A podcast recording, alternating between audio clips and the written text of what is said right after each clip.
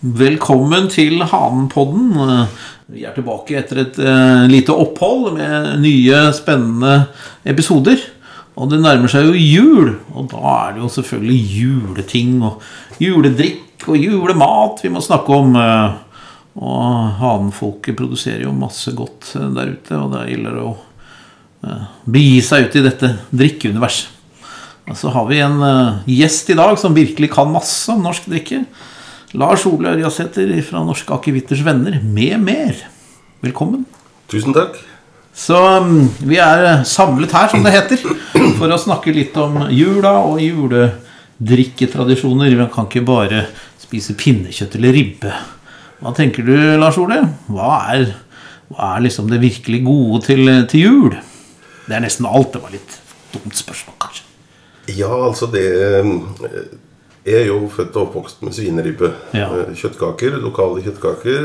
Lokal hemmelig krydderoppskrift fra en eh, leverandør. Eh, Og det produseres faktisk fortsatt en dag i dag. Slik at når jeg drar hjem til Skjåk og kjøper kjøttkaker, så smaker de eksakt som de gjorde de vi lagde sjøl på farse som var spedd hos leverandøren. Oi.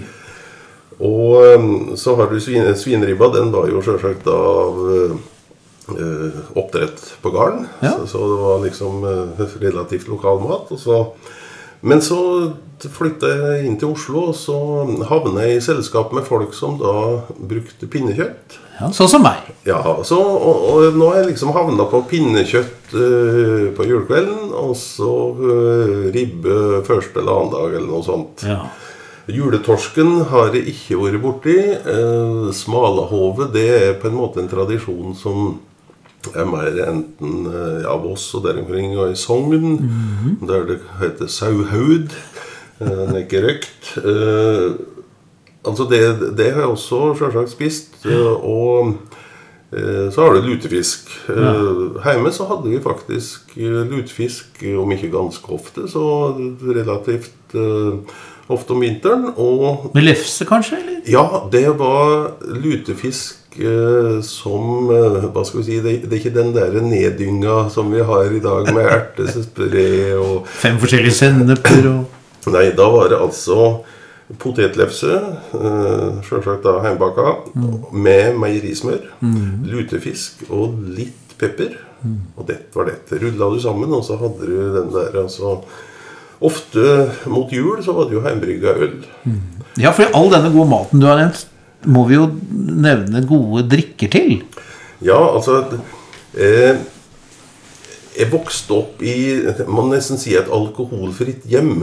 Ja, riktig. Og jeg hadde liksom tenkt på det etterpå at altså det, det var jo på den tida sant, på, på, utover på 60-tallet og slik, så var det jo en del som drev med litt sånn hjemmesløyd eh, her og der. Og, men ikke hjemme. Og det var liksom plutselig her for Ja, det begynner å bli en del år siden nå, men plutselig gikk det opp et lys. Det er jo selvsagt det at min salig oldefar, Ja, han var altså haugianer. riktig. Uh, Han var postmester og skolelærer Ja. i god tradisjon. Og selvsagt da var det jo ikke brent uh, hjemme i det hele tatt. Nei, nei. Uh, Og da, ble, og da var det kanskje ikke noen tradisjon heller for alkohol. Altså, mor og far hadde jo liksom de hadde Sankt Halvard-likør i skapet, og kanskje noen kom med noe vin, men liksom Vin på den tida det, Mora mi syns ikke det var noe godt fordi at den er sur Ja. og litt sånn forskjellig. Så Det er jo litt sånn typisk for den tradisjonen der at der var man jo glad i det søte. Og Fortsatt fokus på portvinen eh, og, og ja, i og for seg norsk frukteviner også. Golden Ja. Og sånn, som var jo grusomt søt. Jo, men altså, heimbrygga øl, det var jo søtt og godt. Mm. Og, det, og det, altså, det gjør jeg jo, men jeg tror ikke det var noe alkohol som plaga noen. For det var ingen som Altså, det var ikke noe sterkt i så måte. Og det, og det var altså brygga på einlåg. Ja. Altså kokte einkvister, og så var det vel en liten flaske med tomtebrygg oppi der, og litt sukker, og så sto det Så var vi i gang. Jo, da var det altså en eh, 40 liters mjølkespann som ble brygga på. Ja. Og så ble det da tappa på flaske, og det var det var faktisk det vi hadde til julematen også.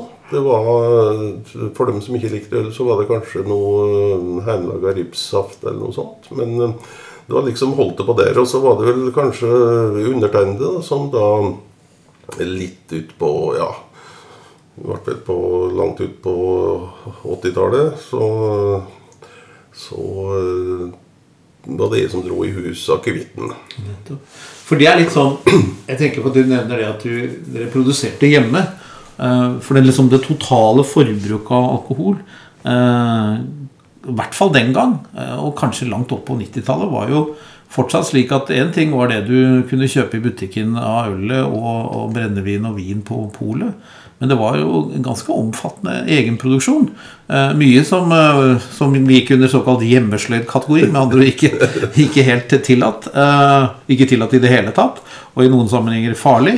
Men også helt lovlig produksjon. Eh, man laget på en måte mer eh, øl og alkoholdrikke selv. Jeg husker mine foreldre de laget sin egen Eller mora mi lagde kirsebærlikør.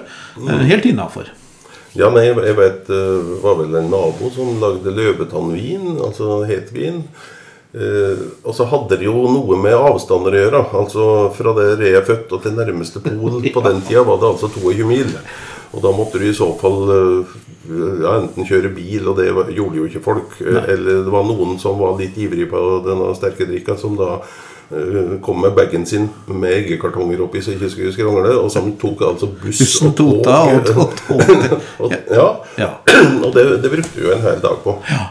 Ehm, så eh, Og en annen ting var jo det at uh, utbudet uh, skal man si, på polet ved de tider Altså sånn Midt på 80-tallet så var det jo en Ja. sju, åtte, ni akevitter. Ja. Og, og Vinmonopolet det ligger jo i navnet, og de var jo 100 år her. Ja, de var det i går. Ja. Ja. Eh, og det ligger jo i navnet at det er liksom vin de kjører på, og, og selvsagt det var et ønske å få ned forbruket av eh, sterke drikker og få det ned på mer eh, lavalkohol, altså vin og sånne ting. ja. Og, og da eh, Ja, det var vel da Vi må nevne en kar, Halvor Høek, eh, som startet, starta i eh, Vinmonopolets utviklingsavdeling i 86. Eh, og skal vi si spennestykket kom til jul i 88, og det var altså det som heter Gilde juleakevitt, som har kommet hvert år etterpå. og eh, noen sier at det er akevitten fra Gilde. Det er ikke helt uh, sammenlignet med pøl pølsekjøtt. Men, men, eh, Det er viktig å skille, da. ja, men i hvert fall Gilde juleakevitt. Og, og han fikk jo frie tøyler. Ja, så heldigvis. Jeg må, må nesten fortelle den eh, lille historien rundt dette. der, fordi at eh, de jo Det var jo ikke solgt så mye akevitt, og så plutselig kommer en nykommer. Mm. Ja. Og eh, det spredde seg, så de fikk jo solgt en god del, men absolutt ikke alt som var tappa opp. Nei. Så, og den tida så var jo uh, juleakevitt Det var jo à la juleøl. 1. januar så stupte det salget. Så flasker gikk da tilbake. Det er ikke sånn som i dag. Du, nå får du juleakevitt året rundt. Og så fyller de på liksom sånn i oktober-november, så kommer det da årets utgave. Julemarsipan i oktober. Ja, ikke sant? Nei, da, så, så flasker ble da åpna, tømt tilbake på en tann eller et fat. Og eh, Halvor fant ut det at det her skulle bli basisen for neste års juleakevitt, altså eh, 89.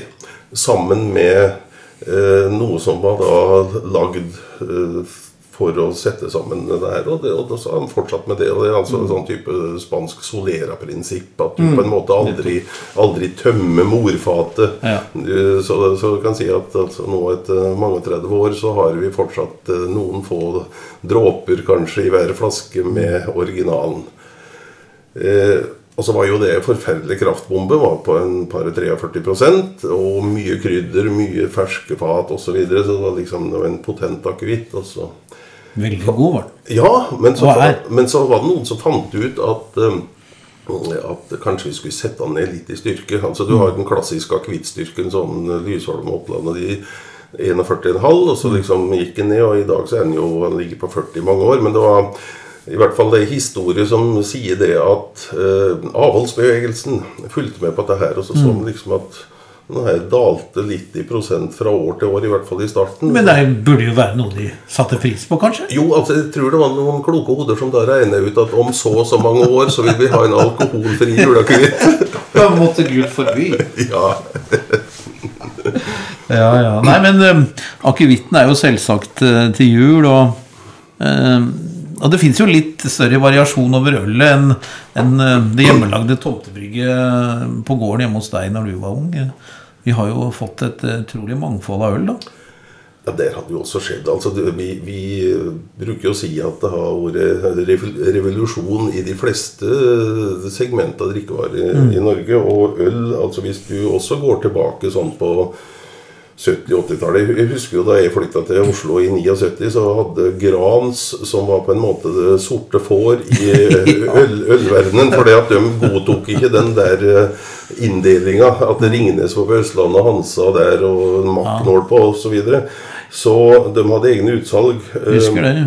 og, men da var altså Drikkevareforeninga besto jo da bare av en sånn 7-8-10 vel bryggerier.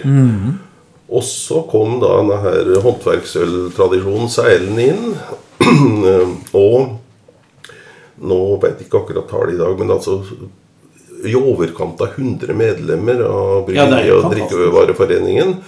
Eh, Og stort sett alle mann alle er medlem, og det er vel eh, og, og, og ting utveksles, eh, og bryggere flytter rundt, og mye spennende øl. Og så er det jo selvsagt eh, kanskje noen som har eksperimentert litt for mye, men eh, det, det, det, Ja, sånn kvadruppel-IPA-er, liksom. Kanskje, jeg vet ikke. Men og for vår del i Hanen så tenker jeg at eh, vi syns jo det er spennende å se at det er flere og flere som, som kanskje har eh, servering på gård eller har overnatting og lager sitt eget øl. Eller så er de rent ut eh, produsenter av eget øl.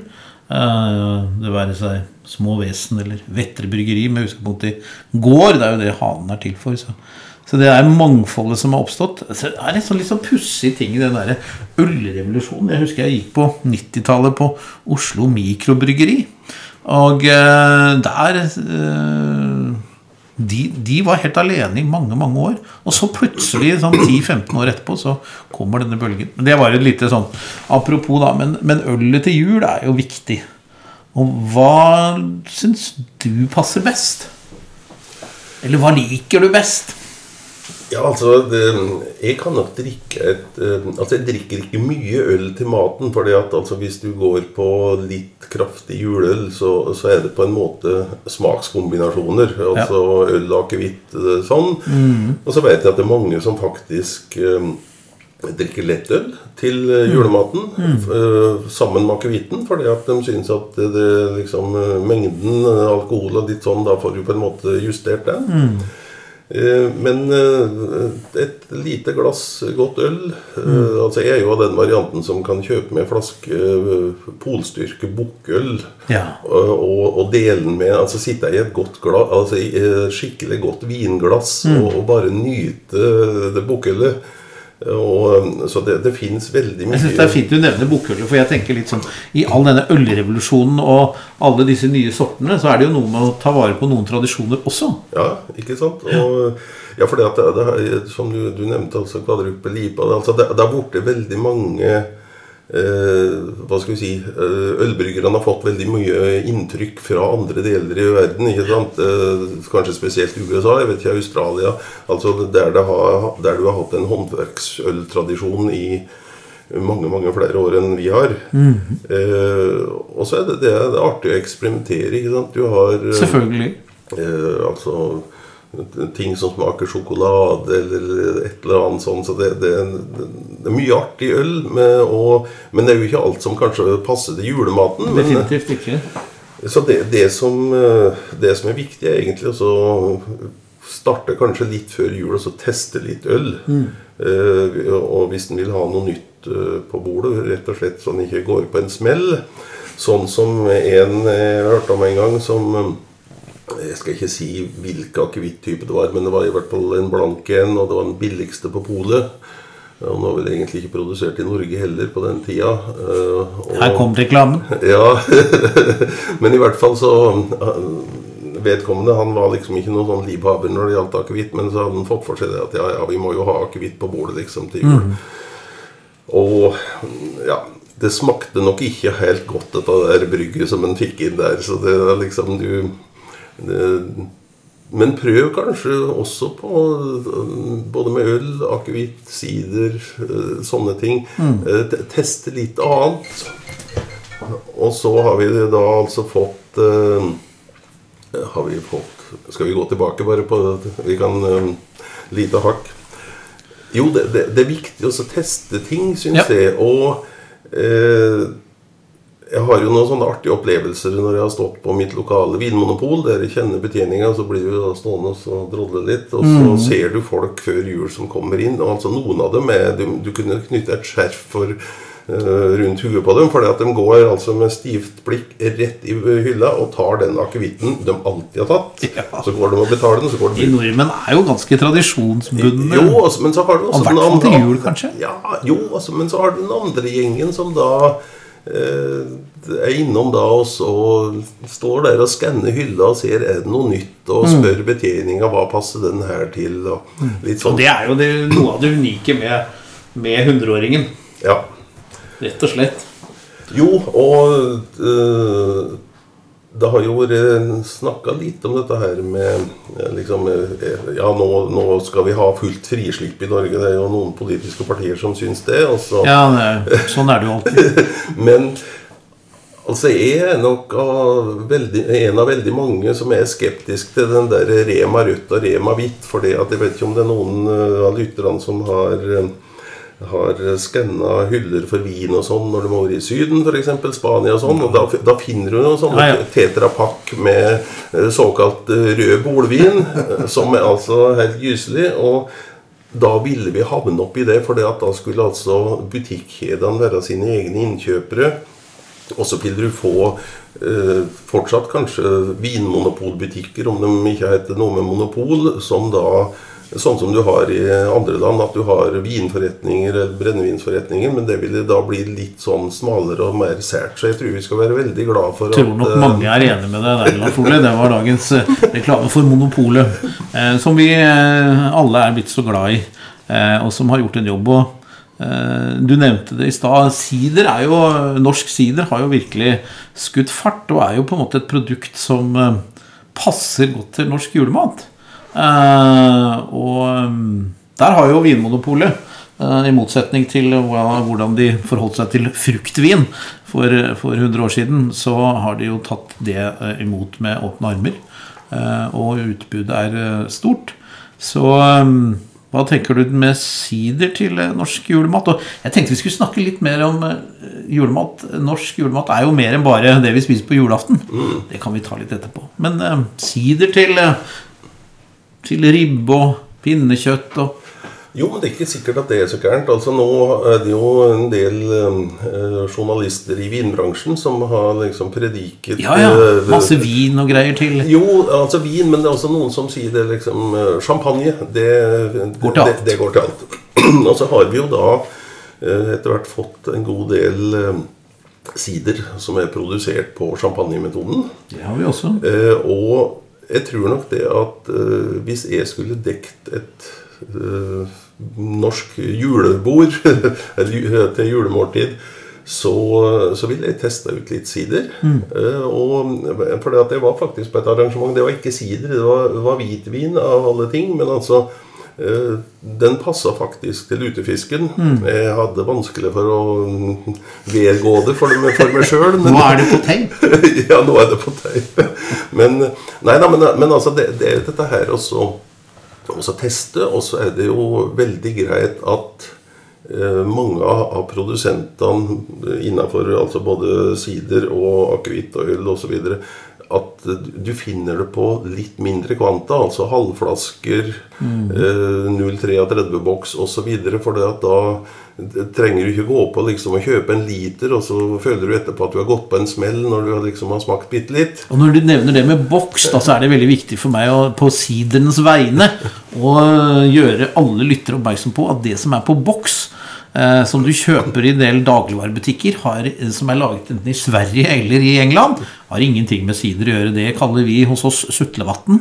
Eh, ekte sider det får du på polet og i en del utvalgte Meny og eh, Coop Extra-butikker av ekte norsk sider laget på gjæra eplemost. Punktum. Det er veldig viktig. Det er ikke sånn som eh, Ja, jeg skal ikke nevne nå, men i hvert fall. Nei, men- Nå er lytterne advart. Ja, for det er ting som er altså blanda konsentrat og vann, og det blir ikke ekte vare. Nei, ikke i det hele tatt. Det er ca. 15-10 eh, konsentrert eh, eplevin som, som du helst Det er jo ingen som ville drukket noe tilsvarende, det være seg i vin- eller ølverden i det hele tatt. Så det må man slutte med. Ja. Det var nå i hvert fall det. Nei, sider til julemat. Eh, Men så er jo julemat mer enn bare dette, alt det gode kjøttet og fisken. da. Du har jo ikke minst ost. Spiser du ost til jul, eh, Lars Ole? Ja, og så har jeg altså Jeg har, eh, jeg er av de heldige som har kjølerom. Ja. Og i det kjølerommet altså jeg, Nå skal jeg ta opp en ost igjen nå til jul, eh, det er ofte at liksom Snakker vi lagringsost? En, en, nå, nå snakker vi sånn selvlagret. Ja, så bra. Eh, Det er jo ofte at det er noen sånne svarte eller røde Ja, ja. ku- kuler ved juletider. Eminente tipset. Ja, og da og, og så hender det at den plutselig er på salg eh, litt etter jul og sånn. Ikke sant? Og da kaster vi oss over, og så kjøper vi en to-tre stykk, og så eh, putter, tar vi en svart tusj og skriver på, for at etiketten blir etter hvert borte. Og så legger vi den i kjelleren, og så, eller i kjølerommet, og så glemmer vi den. Eller eventuelt innerst i kjøleskapet et eller annet sted. Og når du da tar den fram etter noen år og rister litt på den, så, så da har altså osten krympa, så du hører at det liksom det er noe som er løst inni der. Og da begynner det å bli skikkelig ost. Gjør det. Altså, jeg, jeg er jo også veldig glad i eh, litt kraftige blåmuggoster. Ja, nydelig. Ja, eh, for eh, altså Skal du ha en liten hva skal vi si, forrett eh, før du går til bords eh, i jula, så altså det er pepperkake. Så må jeg få lov å reklamere for Kraftkar, som er den mest Veldig eminente. Ja. Og så kanskje, hvis du har litt sånn eh, bærsirup, blåbærsirup eller noe sånt, liten dæsj på det, og så serverer du det med en liten skvett akevitt, da er jula i gang. Det er veldig bra. Og der fins det mange muligheter både på akevitt og øl og sider til eh, ulike oster. Ja, Så lenge de i hvert fall opplever jeg at så lenge de har en grei sødme i seg, så, så funker det. Blåmugg er jo litt eh, underlig, syns jeg kanskje, at nordmenn har liksom omfavna det. Jeg syns det er fantastisk ost, da, men for nordmenn har jo en tendens til å ha en litt sånn skal vi si, smal smaksprofil. Så det, det er men, veldig hyggelig, syns jeg. Men, men det er det at hvis du har altså det, det salte og den biten i blåmuggen altså Hvis du setter til noe som er litt sånn sødme Ja. uh, altså finner et, eh, et øl, uh, en akevitt som er litt sånn uh, god fatkarakter på Mm. osv., så, videre, så, så blir det jo match. Det er akkurat det samme som med rakfisk. Mm. Uh, for altså Vanligvis så er det jo øl, akevitt og rakfisk. Eh, men prøv med f.eks. en eh, issider. Altså som er søt. Veldig. Eh, altså da, og da, da snakker jeg ikke om rakfisk heller som er neddynga om alt mulig. Du har altså denne her lefsa med godt meierismør. Rene smaker snakker vi om. Ja, og så den derre salte fra rakfisken, og så en liten isider Det, det, det er ikke store mengder du skal ha, men det er liksom det å teste smakskombinasjonen. Ja, det er, tror jeg er veldig viktig å, å eh, tørre å hive seg litt utpå. Eh, ikke sånn hemningsløst, tenker jeg, men, for det kan jo gå riktig galt. Da kan man jo få litt kort hjul. Men, men jeg mener i forhold til det å kjenne på smaker, som du nevner. Eh, noe kan man oppleve som en helt revolusjonerende god smak, mens andre ting kanskje ikke var den samme gode kombinasjonen. Men å smake seg fram, det er lurt. Ja, det, det er alltid liksom dette her å teste. Nå skal jeg ha en juleakevitt-test for noen folk i neste uke. Så nå har jeg altså kjøpt inn akevittene, og så har jeg en sånn liten idé om hva som skal skje.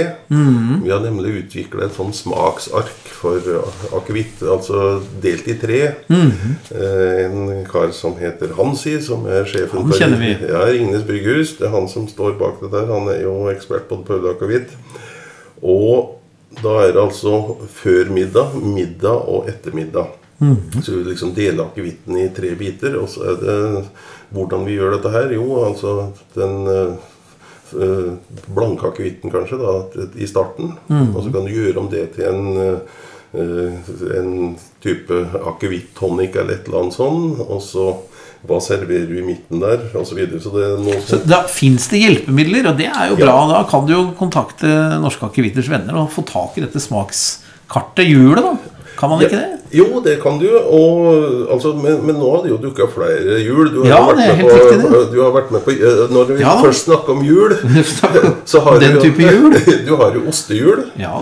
Du har siderhjul, Ja. du har ølhjul, du Ja. har akevitthjul. Alt sammen er på norsk. Alt er på norsk. Eh, kanskje litt avansert når en begynner å se på seg hjulene, men altså hvis en starter liksom i midten og så går utover eh, litt Ja, sånn men jeg tenker at eh, Hansi og Hans Kjære June har gjort en kjempejobb ja, med å lage ganske pedagogisk og gode hjul. Og så er det selvfølgelig sånn at eh, jo mer vi snakker om, om trening her, jo mer du bruker det, jo mer skjønner du av det. Og det er både for øl og akevitt og sider, så, så har man det nå. Så, så det er bare å hive seg utpå og bruke de hjelpemidler en trenger. Nei, så det, det ligger egentlig an til å Store muligheter for å kombinere norsk mat øh, til jul og, øh, i alle sine fasetter med god norsk drikke. Så da er det vel egentlig bare å si øh, riktig god jul, Lars Ole. Takk i like måte. Husk kun norsk på bordet i år. Nettopp. God jul. God jul.